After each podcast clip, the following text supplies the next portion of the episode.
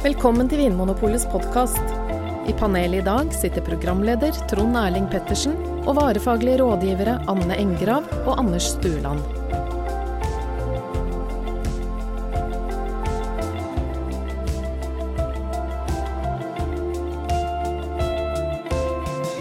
Hallo og velkommen til Vinmonopolets podkast. I studio sitter som vanlig Trond Erling, Anne og Anders. Og i dag skal vi snakke om champagne. Ja. Eh, vi har nemlig fått en mail fra en lytter som heter Steffen Hoversen. Hei, skriver Steffen. Lurte på hvordan en bør lagre og oppbevare champagne. Liggende eller stående? Vil dere anbefale vinskap til champagne? Og så har nå et spørsmål vi skal hive oss over snart, som handler om lagring av eh, champagne. Eh, vi kan jo først nevne at, Anne, at vi er veldig godt egnet til å kunne svare på den mailen her, siden vi nettopp har vært i champagne. Det var derfor vi dro til Champagne. for, å svare på spørsmålet fra Steffen. Anders, har du vært i champagne? Nei, det har jeg ikke, dessverre. Men uh, Du har smakt en del champagne. det har jeg jo. Mm. Så, men jeg gleder meg til å høre hva dere Mm. har hørt, sett og smakt. Ja, vi skal snakke eh, litt om det i løpet av episoden her òg. Vi kan jo begynne med spørsmålene til Steffen, da. Eh, hvordan bør man oppbevare champagne, Anne?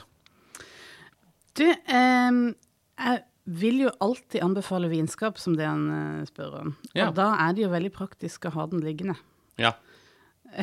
for å si det sånn. Mm. Men siden det er en uh, musserende vin, så er det gjerne litt sånn um, CO2 inni flaska. Mm. Som gjør at det er ikke så viktig med den der kontakten mellom vin og kork. Ja, for vanligvis så Ah. pleier vi jo å anbefale at vin lagres og oppbevares liggende, sånn at Mm. det er litt vin som er i kontakt med å helle korken fuktig, sånn at den ikke tørker inn og det kommer luft til. Ja. Men det er ikke like viktig i eh, musserende vin. Ja. Jo, Ja. det er jo litt viktig. Ja. Jo. Det skader i hvert fall Det skader i hvert fall ikke. Men så dere mange vinskap hos, øh, når dere var på besøk hos produsenter i Japan? Du, det, det, Hva, er, hvor, hvor, hvor lå flaskene da? det var et veldig godt spørsmål. Mm, det var det. Det var det. For de la, de la vin under jorda. Eh, det vil si i ganger. De gravde den ikke ned i jorda, men de hadde ganger under eh. Kjellere, rett og slett? Ja. Råkjellere. Ja. Der lå de. Så det er en mulighet. Ja, klart. Har du en uh, potetkjeller Mm. eller en uh, litt kjølig, litt fuktig kjeller, Mm. så er det et supert sted å lagre vin. Mm. Ellers så Uh, er det vel en del folk som nå begynner å anbefale at du skal uh, senke flaskene ned i, på havet, havets bunn.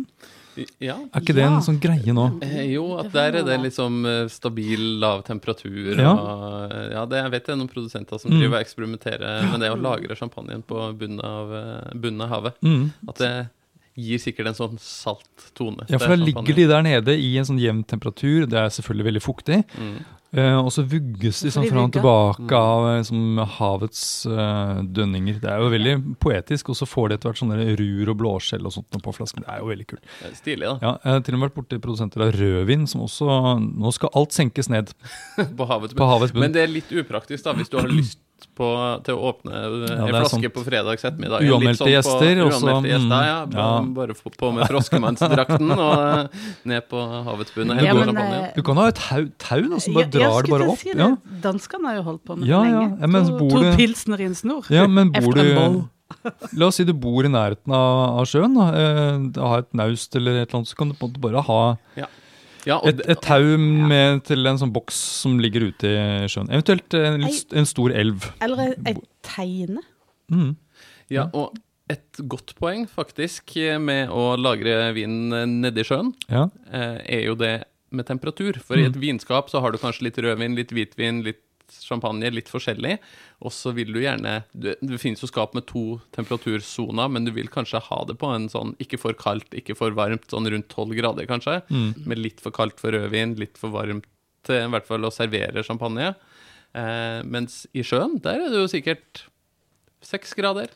Men jeg Ja. lurer på noe Perfekt eh, iskald champagne når du drar den opp. Ja, jeg, men jeg lurer på noe som jeg ikke har svar på, og kanskje ingen har det. Men i under sjøen Mm. så er trykket annerledes. Ja. Mhm. Er det sånn at det Ja, oppheves?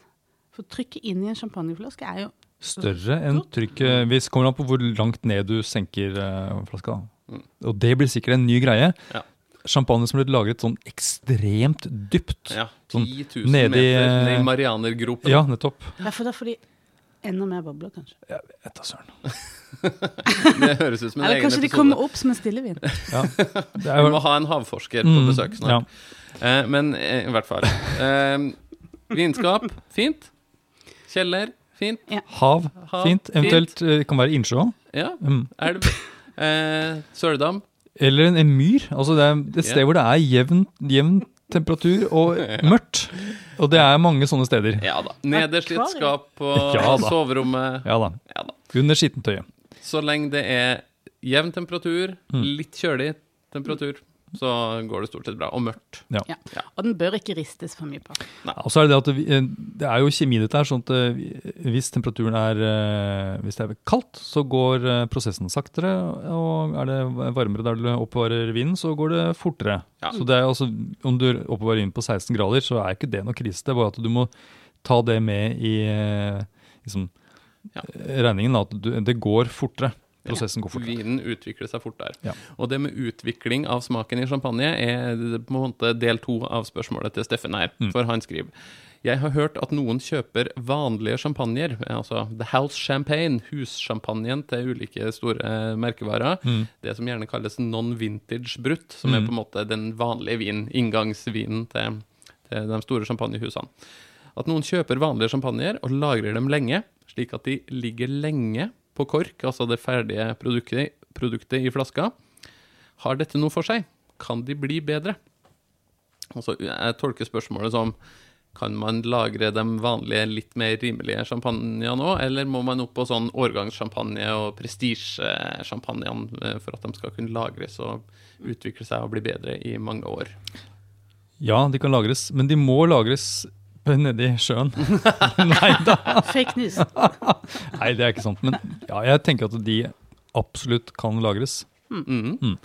Eh, er det noen grunn Eller hva får man igjen for å kjøpe en årgangssjampanje, da, eh, kontra en sånn eh, inngangssjampanje uten årgang? Ja, Det er ikke så lett å si, hvis du spør meg. Men Nei. Nei, det skulle jo gjerne kunne si akkurat hva det er, og eh, at det kunne være bombesikker på at Mm. man alltid kjenner det hvis man ikke vet det. Skal vi ta kort bare hvordan de lages? holdt jeg på å si? Hva er forskjellen på de ulike typene champagne? Eh, Non-vintage, eller de her inngangssjampanjene, er jo da ikke nødvendigvis Eller ikke fra én en enkelt årgang. Mm. Det er gjerne Basen er vinen eller druene fra en årgang, men så sper man på å på en måte krydre vinen litt med, med reserveviner, altså viner man har hatt Mm. liggende. eh, Ja. Og det er for, Enten på fat, sånn flaske, på tank, for å få et produkt som smaker likt fra år til år. de har en husstil, og det er litt sånn som altså konjakkproduksjon også er jo mye av det samme. At man, du liksom har kan blande sammen ulike årganger. Mm. Mm. Og, det, men, og, det- og det er jo ikke bare de rimeligste sjampanjene som lages på den måten. Det, det lages også dyrere sjampanjer. Mm. Mm. Ja, det, det er vel flere sånne prestisjesjampanjer Ja. til tusenvis av kroner Ja. som lages på denne måten. Ja, og så går det an å tenke slik at eh, når du lager mat, så kan du se for deg at eh, nei, jeg, har bare, jeg bruker bare ett krydder i retten, som da på en måte er fra den ene årgangen. Mm. Det tilsvarer da én årgang. Mens de som da blander flere årganger, de har jo flere kryddere som de kan tilsette. Ja. Mm. Så du Flere smaker å Flere spille på, liksom. ja. Så det kan jo også bety at du eh, allerede eh, får en champagne når den, er, når den slippes eh, Mm. på markedet, så er det allerede en ganske kompleks Mm. champagne. Mens årgangssjampanje, da kommer alle druene fra ett år. Mm. Druehøst. Mm. Og gjerne bare de beste årene. Ja. Um, Litt det- mer prestisje. litt mer prestisje. Og så Mm. har du det som kalles prestisje-kuvé, eller prestisjesjampanje. Ja, som er enda mer prestisje. Ja, som da presumptivt er den beste druene eh, champagnehuset har til rådighet, og den Ja. beste vinen de kan lage. Ja. Eh, Ja. Mer konsentrert og mer eh, kompleks. Kanskje lagra lenge før det slippes også. Ja. For det er jo et poeng her at champagne lages jo ved at eh, vinen ligger i flaska, gjerne med en sånn bruskork på, sammen med liksom gjærrestene som gir eh, det vi kaller for autolyspreg. En et ekstra dybde i smaken, på en måte. Mm. Ja. Eh, noe tone av eh, brød og bakst, gjær, Mm, ja. sopp. eh, noe som er noe annet enn frukt. Mm. Um, og det skjer jo også med de her non-vintage-sjampanjene. Um, men det Steffen spør om her, er på en måte hvordan utvikler smaken seg når champagnen er ferdig. Når man har fått ut gjærrestene, eh, satt på en vanlig kork, Mm. og champagnen er liksom i salg og et ferdig produkt. Ja. Og hvordan kan da smaken på en champagne forandre seg? Når, hvis du da kjøper ei vanlig flaske champagne i butikken, lar den ligge i kjelleren i 10 år, 15 år. Ja. Hvordan forandrer Ja, og smaken bare seg? for å ta det først, at eh, det er ikke noe sånn kjemisk som skjer når du blander årganger. Så det, det, det er jo Det utvikler seg jo på en måte på samme måte. Mm. Vinen merker jo ikke at den er satt sammen. Vinen vet ikke at den er satt sammen av flere årganger.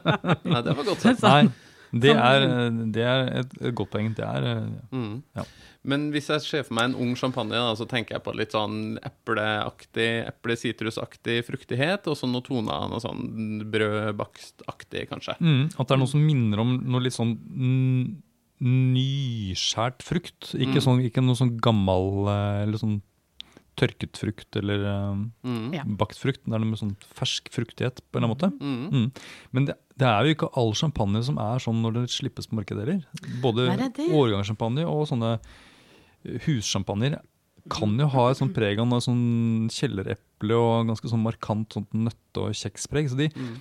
det er litt sånn ulikt hvor de starter den også, tenker Ja. jeg, når de er eh, sånn Mm. eh, Når de slippes ut på markedet. Ja, noen starter som et grønt eple, noen Ja. starter som et uh, rødt eple, og noen som et litt sånn skrukkete gult uh, eple som har ligget i kjelleren en Mm. stund. Med sånn dryss av uh, Kanel. kanel, brioche og hasselnøtter. Ja. Oh. Åh, det godt ut. Ja. Og så tenker jeg at Det er kanskje det man er på jakt etter når du lager den der grønne eplesjampanjen. Så vil du kanskje Er du på jakt kanskje etter den der litt mer sånn nøtteaktige preget og noe, noe sånt noe? Mm. Eller får man noe annet? Jeg tenker at hvis eh, den champagnen som slippes på markedet, er den derre grønne eplevarianten, Mm. så er det kanskje det den egner seg best som. Det er min eh, tommelfingerregel, i hvert fall. Og, og lagres. Nei, da er, det, da er det en champagne man skal drikke som en sånn frisk skalldyr... eh, Ah. La den, væ- la den være ung. Ja. Yeah, yeah, yeah. Fordi det er den beste kvaliteten den har. Ja. Jeg, jeg tenker jo at den kan jo fint eh, lagres også, Ja. men da ville jeg heller valgt en annen stil som allerede har liksom blitt satt sammen for å inneholde flere komponenter og være flere Være aromagrupper litt inne. rikere og større. Og så vil de på en måte forsterkes, så du vil få liksom en sånn Du Ja. tenker at den har mer å gå på, på en måte? Den har mer å ta av? En sånn, en sånn, sånn, sånn energireserve som den Ja, gjør at den kan ja, ja overleve? på en måte så tenker jeg det. Og at hvis uh, målet ditt er å få den nyanserte, utvikla aromaene, Ja. da bør du velge en champagne som på en måte kanskje har mer av det til Ja. å begynne med. For da Ja. vil du få Ja, for jeg er nemlig litt, ja, for jeg er litt i tvil nemlig om det er, om det er Mm. Hva tror Ja, du, da? Nei, Jeg tenker kanskje at det blir litt sånn at eh, den som har det der litt sånn ep grønne eplepreget eller eplekart, og som på en måte virker litt sånn Det er ikke så mye å finne sånn i aroma på, i vinen, så kanskje det er en vin som har på en måte Den er, den er ung. Mm. Den har da um, dette spennet foran seg, istedenfor at den allerede er liksom litt, litt sånn utvikla i stilen. Ja. Så, men dette er, jeg, er ikke, jeg er ikke bombesikker, men jeg bare registrerer at det er en del sånne vintyper som man liksom regner som lagringsdyktige, som gjerne starter som litt sånn tilkneppa, litt sånn grønne, Mm. stramme chablis, f.eks. Ja. Men vi hadde jo en smaking eh, før turen som vi var med på alle sammen. Mm. Der vi, vi smakte en, en gammel champagne Mm. som vi snakka om eh, Vi hadde smakt den da han var yngre, Ja. og, da vi, og da også vi var yngre. Og den var, eh, den var tilknyttet vanskelig å smake, Ja. men den var ikke den der grønne kart-greia da Nei. heller. Men da hadde man, når man hadde smakt, Jeg hadde i hvert fall smakt den da eh, for flere år siden og tenkt å, dette var bare dyrt og unødvendig, eh, på en måte. Men når vi smakte den igjen nå, etter flere år, så hadde den fått utvikla mange flere nyanser. Men Ja. utgangspunktet var bare litt sånn lukka. ja. Mm. Men det var ikke sånn var ikke grønn liksom og fruktig. stram, nei. Nei. En annen ting som jeg har hørt, eh, er jo at eh, fordi nå er jo moten er jo det at det skal være så lite sukker som mulig Mm. i champagnen. Ja. En sånn ekstra brutt eller brutt natur eller eh, Mm. ja. Ja, for eh, sånn vanligvis i champagne så tilsetter man litt grann sukker Mm. rett, blanda med vin rett Eh, før man setter på korken. Mm. Idet man tapper vinen og har fått ut gjærrestene, og den er klar til å sendes ut på markedet. Ja. Et siste sånn hadde kyss mm. i form av litt sukker. Ja, Og det, det sukkeret det forblir i en flaske. Det er ikke noe gjær der som på en måte bruker opp det sukkeret. Det er... Så da bestemmer vinmakeren hvor måte, søt eller mm. tørr vin skal være. da, ja. Mm. Kort forklart. Og tradisjonelt så er jo champagne en ganske syrlig vin, som trenger kanskje litt sukker for å balanseres sånn at den ikke skal oppleves som veldig, mm. veldig, veldig syrlig. Mm. Og da er Det sånn, det kan være sånn fra 50 10-15 gram sukker er på en måte den, liksom, den tradisjonelle mengden sukker. Og så er det da mm. liksom, den moderne champagnen er liksom gjerne under eh, 4-5 gram. Ja. Nei, fordi det, det, jeg har hørt er nemlig at eh, det kan være en fordel å ha eh, litt sukker i vinen når den skal lagres over lengre tid. fordi da eh, får man dette som kalles Maillard-effekten, som er en mm. sånn eh, kombinasjon av eh, protein og eh, karbohydrat som på en måte danner nye stoffer som da gir et sånt nesten sånn karamell- og nøtteaktig preg. Mm. Samme som når du steiker eh, biffen din eller eh, Mm. steiker løk. Eller, altså det er, Ja, en- ja. Steker brød, steker brød, det ja. som skjer i brødskorpa, den bruninga som gir en Ja. sånn dypere, Yes. rikere, Ja. karamellaktig smak. Mm. Mm. Det. Har dere hørt noe om det, eller noen tanker om Ja, sukker og Maillard? ja, vi snakka faktisk en god del om det her som heter dosasje, Ja. eller eh, sukker i champagne, når vi var der, Anne. Mm. Eh, vi smakte jo blant annet samme champagne. Den, der den ene flaska var uten noe dosasje. Den var brutt natur, ikke tilsatt noe sukker. Mm. Mens den andre var tilsatt eh, Lagd for det norske markedet. for, Nei, det var omvendt. Ja. Oh, ja. Um, det norske markedet ville ha en helt tørr, eh, ikke Mm. tilsatt noe sukker. Ja. Og så hadde den også en variant som var mer for det franske markedet, Ja. som hadde kanskje 8-9 gram sukker, kan jeg tenke meg. En del, mm. en del sukker. Og du merka tydelig forskjell på de to vinene. Hvordan da? Også aromatisk. Det var, ikke, det var ikke smaken av sødme. Det var det som overraska meg, for jeg tenker at OK, mer sukker i vin, da kommer det til å smake søtere. Smakssøtere. Mm. Smakte ikke det.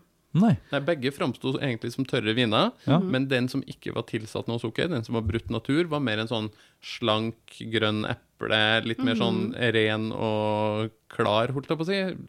Hvis vi skal sammenligne med en hvitvin, kanskje noe mer sånn chablis-aktig. Ja. Mm. Mens den som var tilsatt litt sukker, hadde en mer sånn Framsto som litt mer fruktig, litt mer blomsterprega, nesten mer sånn aromatisk og Ja. rik hvitvin. Jøss. Ja, det var veldig interessant. Og det tror jeg nok kanskje er litt der jeg begynte, og der du eh, kanskje satte fingeren på det, med at den eh, med litt dosasje vil nok da ha bedre evne til å utvikle flere nyanser. Ja, jeg vil kanskje tro det.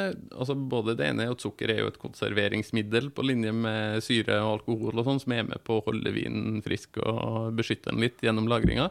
Men også det her med Maillard-reaksjoner Ja. som du snakker om. og eh, før vi dro til Champagneane, så leste jeg en bok av en forfatter som heter Peter Liem, som er en slags sånn autoritet på champagne, en amerikansk eh, vinskribent. Eh, og han er også veldig opptatt av det med dosasje, og sammenligner litt med salt i matlaging. Mm. At ofte trenger du litt grann salt for å fremheve egensmaken i maten. Mm. At det blir den, Du kan ikke alltid si at maten min er så god at den trenger ikke noe salt. Nei.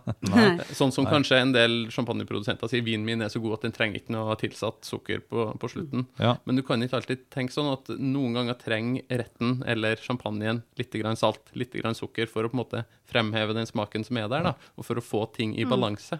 Så han er ikke så opptatt av om det er null eller tre eller fem eller sju gram sukker, men bare riktig dosasje i forhold til den vinen du har lagd, da. Ja, for det fins god champagne både med veldig lite sukker og god champagne som har en del sukker. Så Ja. måtte, det er dumt å se seg blind på akkurat eh, det tallet med sukker. Nettopp. Med mindre du Det er er, det er poenget. eh, ja. Ja. Eh, ja.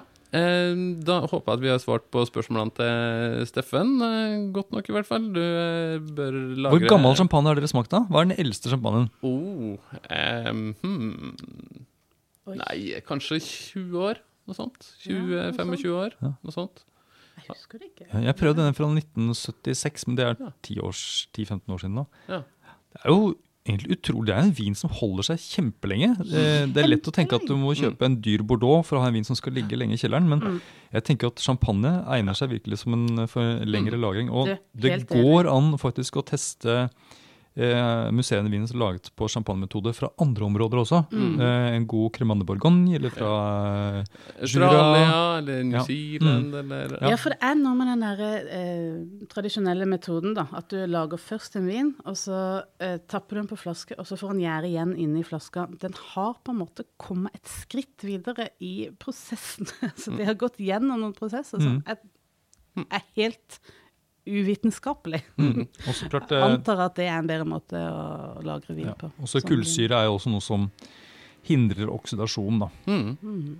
Ja, det er klart at den Kullsyra den vil hvert forsvinne litt ut. sånn at Hvis du har en skikkelig gammel musserende vin, Ja. så vil den jo boble mye mindre. Så det er, ikke noe, det er noe, noe du må være forberedt på. da. Men Steffen, eh, våre råd til deg altså eh, oppbevar champagnen din eh, sånn passe kjølig, mørkt og litt grann fuktig hvis du kan, i en kjeller eller myr eller vinskap. Og det, sånn vi ser det, er det ingenting i veien for å lagre sånne non-vintage hussjampanjer i, i mange år. Prøv det gjerne, og send en ny mail til oss om 15-20 år og si hvordan det har gått. Eh, men vi har trua på at det, at det, det Ja. blir bra. Man trenger ikke å kjøpe en champagne til 1500 kroner for å kunne lagre den. Mm. Eh, Anne, kan du prøve å beskrive litt hvordan førsteinntrykket ditt av champagne var? Når, når vi kom nedover dit, hvordan så det ut? Hvordan føltes det? Og jeg hadde så store forventninger. så, Jeg ble du skuffa. Ja, litt, jeg er litt skuffa. Nei, men jeg tenkte jeg skulle til verdens eh, liksom, mest kjente vinområde, kanskje. Eller en av verdens mest kjente viner. Ja. Og da ville jeg bare anta at det skulle bare være haugevis av vinmarker. Når man, med en gang, for Ja. Champagne er et ganske stort geografisk område. Ja. Mm. Så jeg antok da at eh, ja, nå skulle vi bare komme inn, og så skulle vi bare liksom strekke seg så langt jeg kunne se. At du skulle bli liksom overvelda av Ja, eh, her var det synet? vinmaking som sto i sentrum. Ja. Men eh, vi kjørte jo, kjørte jo, kjørte. Vi så ikke en eneste vinplante. Nei, for, for det er jo nettopp det du sier, at hele området champagne, der man har lov til å lage champagne, er så svært. Det er kjempesvært. Så det er jo for hver vinmark så er det jo kilometervis med åkra og flate slettelandskap. Og så er det noen av Det er noen sånne kjerneområder rundt omkring i Ja. landskapet der det er masse vinplanter, masse ja, vinmarker. Så, ja, for da plutselig så kom vi inn bare sånn Åh, jeg blir så letta. For jeg Ja, tenkte meg liksom da, Det finnes på ordentlig. Ja, det er her. Du var litt redd for at det kanskje bare var tull, oppspinn. Ja, Mm. det var Eller at du hadde reist, sånn- reist til feil champagne. Kanskje det. Hvor er, vi? hvor er vi? Men uh, det var jo eh, Det er som du sier, det er ganske eh, Størstedelen av området er ganske flatt. Mm. Sånn slake bakker. Og vinmarkene vender både nord og sør og øst og vest. Ja, alle på en måte små sånne dalfør eller sånne helninger. Ja. Er det sånn bølgende landskap? Ja, i hvert fall i deler av det. Og så finner du noen steder der det er mye, mye brattere. Vi var Ja. i noen vinmarker som var nesten like bratt som i Ja. I Tyskland, som Ja. virkelig er sånn eh, det, Men det var unntakene. Mm. Men uh, flere sånne bratte åskammer og dalsider og sånn. Så en blanding av Mm. En litt blanding. flatere bølgende landskap og litt mer bratte vinmarker. Ja, det var ikke noe sånn konsistens i landskapet. Ganske, sånn, egentlig. ganske sånn tette vinmarka eller åkra med vinplanter. De planter ganske Tett. tett, sammen, Mm. og ganske sånn lav, lavt beskjærte planter. Så det var, Ja, det var veldig sånn karakteristisk måte. At Ja. det, var, det var så smalt de at man da? tenkte at det hadde ikke plass til en hest imellom, for mange av de bruker hest. Men det var mer sånn ponnistørrelse. Ponnistørrelse. Ja. Men det var ikke det, altså. Men eh, de brukte visst vanlig hest. Men det var ganske sånn trangt mellom vinrankene, og så ganske lavt eh, oppbundet. Mm. Og også hang eh, drueklassene ganske nærme bakken. Og Ja. hvorfor gjør de det? Altså Det med at de henger nærme bakken, var vel fordi det er ganske Altså Champagne er et- en av de nordligste vinregionene i verden og i Frankrike. Det er ganske kaldt der. Så de vil ta vare på den varmen som samles i bakken, og gi på en måte litt varme, ekstra varme til druene når det begynner å bli kaldt Ja. på kvelden. For, for ellers er det sånn at hvis druene henger ned mot bakken, så er det gjerne større fare for at det blir noe råte og Ja, sånt og- eh, trøbbel også. Ja, det var de ikke så Råte var ikke så stort problem, det. Nei. Det blåste litt også, litt sånn vindmøller og sånn. Ja, det blåser bra, ja. Og, um, Mm.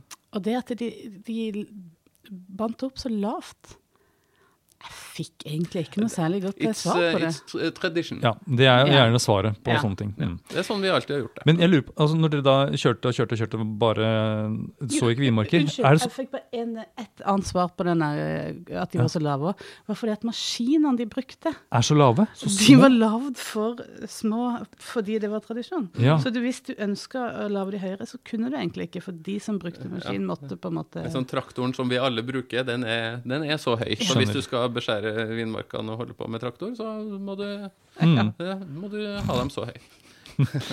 Men det jeg lurte på, er det sånn at eh, da er det, det fins fremdeles områder det går an å plante eh, eller begynne å dyrke druer i, i Japan?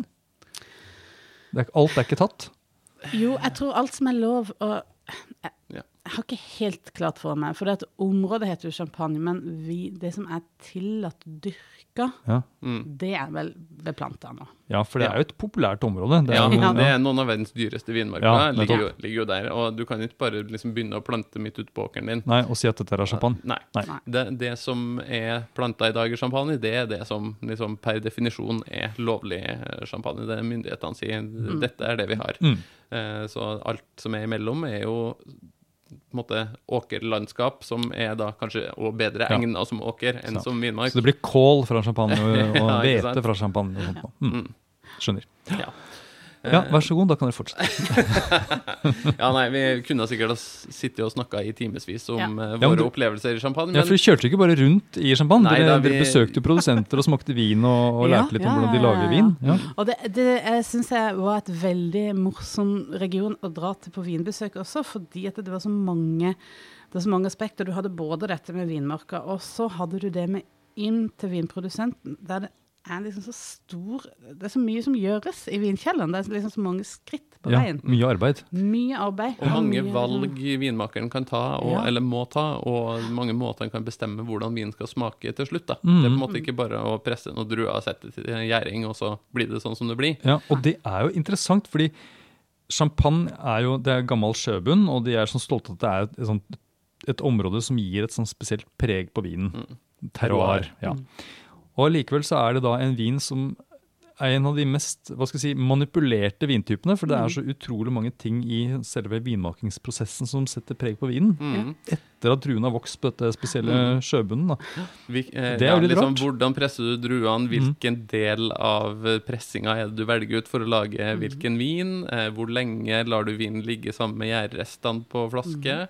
Eh, hvordan blander du vinen til den ferdige Mm. vinen? Det er så mange ut- aspekter. Ja. Mhm. Hvor mye sukker til slutt? Ja. Ja. Rosévin, hvitvin. Ja. Mm. Ja. Eh, Ja, nei, det var, det var altså så mye. Nå, nå kjenner jeg det bare strømmer på med inntrykk. Men, men noe av det mest interessante var jo når vi smakte på det som kalles basevin. Som Mm. er på en måte den, når du har eh, pressa druene og lagd en hvitvin da, i utgangspunktet, som da senere skal få bobler med denne lagringa i, i flaska som vi har snakka om. Mm. Men det var første gang for min del i hvert fall at jeg smakte på liksom, utgangspunktet. da. ja, for det begynner med å bare lage, å lage, en streit. en streit hvitvin, ja. Og i alle lærebøker så står det at det er nesten en ubehagelig vin å smake på, fordi den er så ekstremt syrlig, den er veldig nøytral og lite fruktig, og det er liksom vanskelig å se for seg hvordan den ferdige mm. vinen skal bli. Eh, men det var litt interessant, Anne. Vi fikk jo smake basevin hos et par produsenter, og det var jo ikke så Nei. syrlig og nøytralt og tynt og kjipt som det står i bøkene. Nei, ikke de vi smakte. Og, men det kan jo også ha noe med det at eh, eh, disse hadde jo da lagd vin, og så hadde de, eh, helte de det oppi et fat.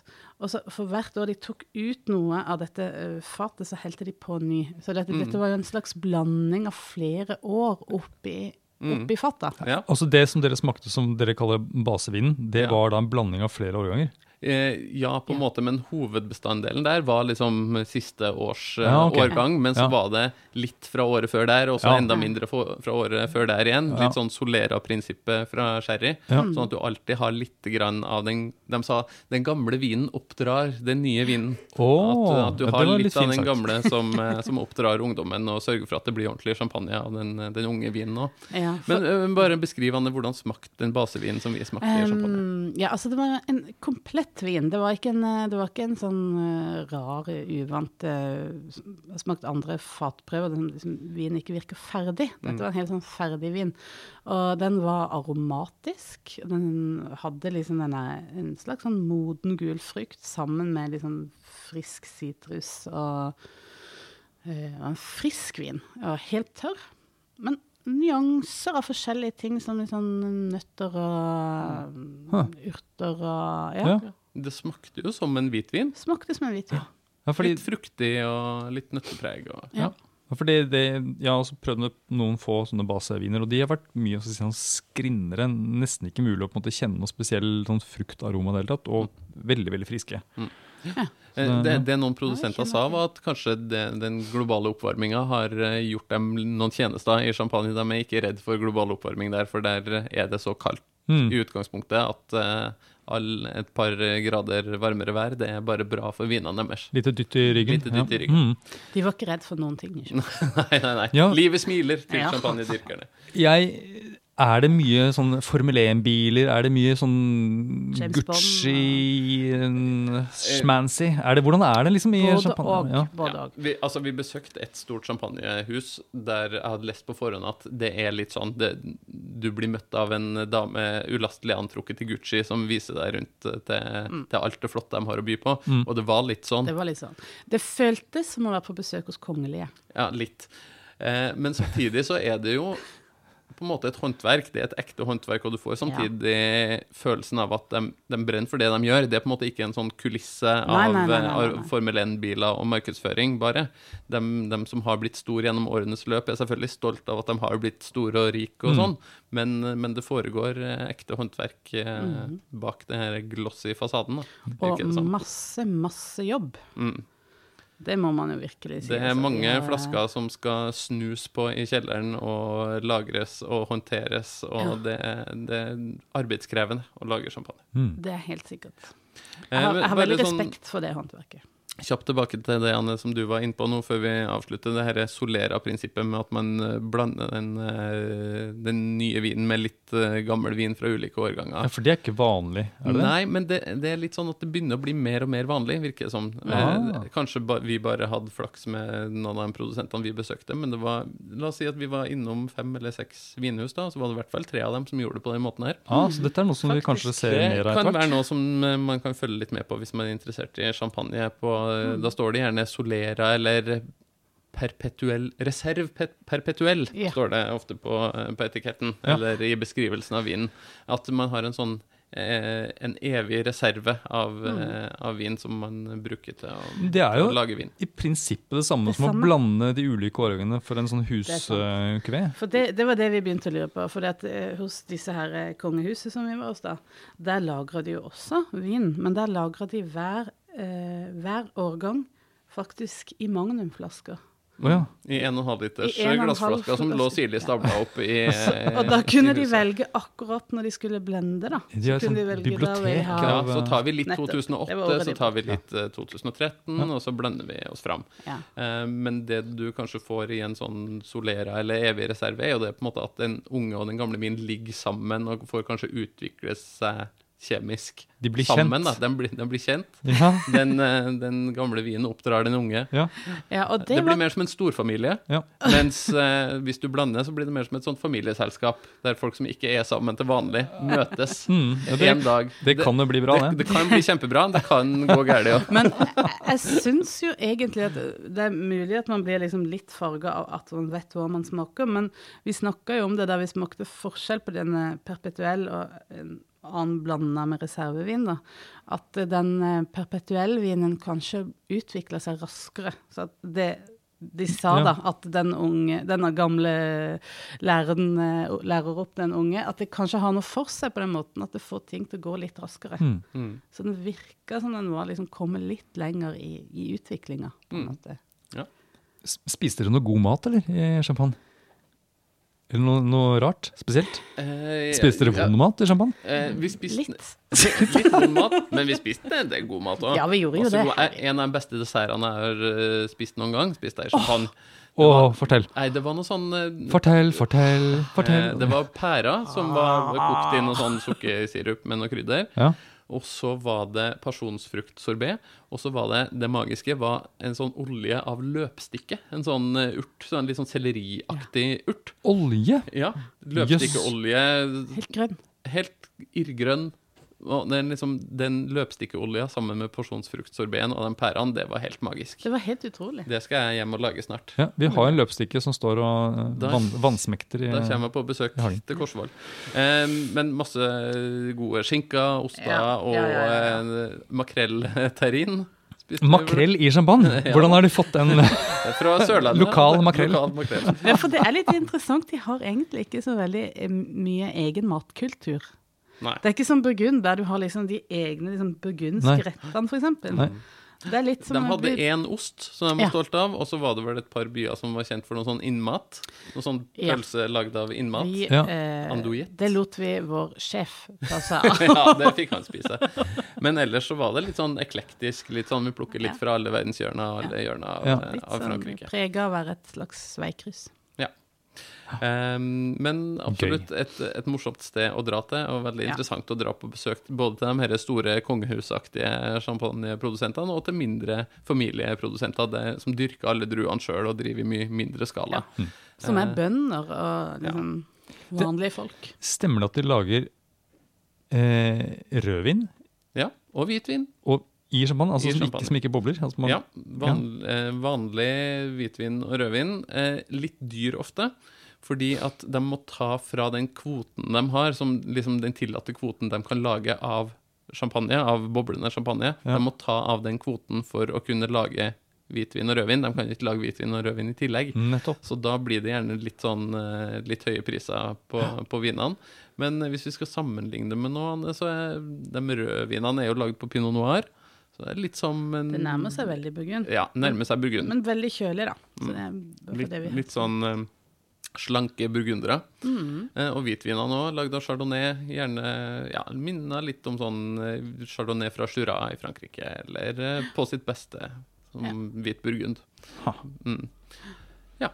Men det kommer vi helt sikkert tilbake til i, i noen egne episoder, tenker jeg, med stille vin fra champagne. Så gøy. Mm -mm. Yes. Eh, da fikk vi en liten rundtur i champagne i dag òg. Eh, takk til Steffen Hoversen igjen for et flott spørsmål. Og du som hører på, eh, send gjerne inn eh, spørsmål om vin, øl, brennevin, mat, drikke, sider, alt du måtte ønske til oss, så skal vi svare så godt vi kan. Send en mail på podkast.vinmonopolet.no. Takk for at du hører på Vinmonopolets podkast. Har du forslag til et tema i podkasten? Send mail til podkast. I tillegg svarer kundesenteret deg på e-post, chat og telefon.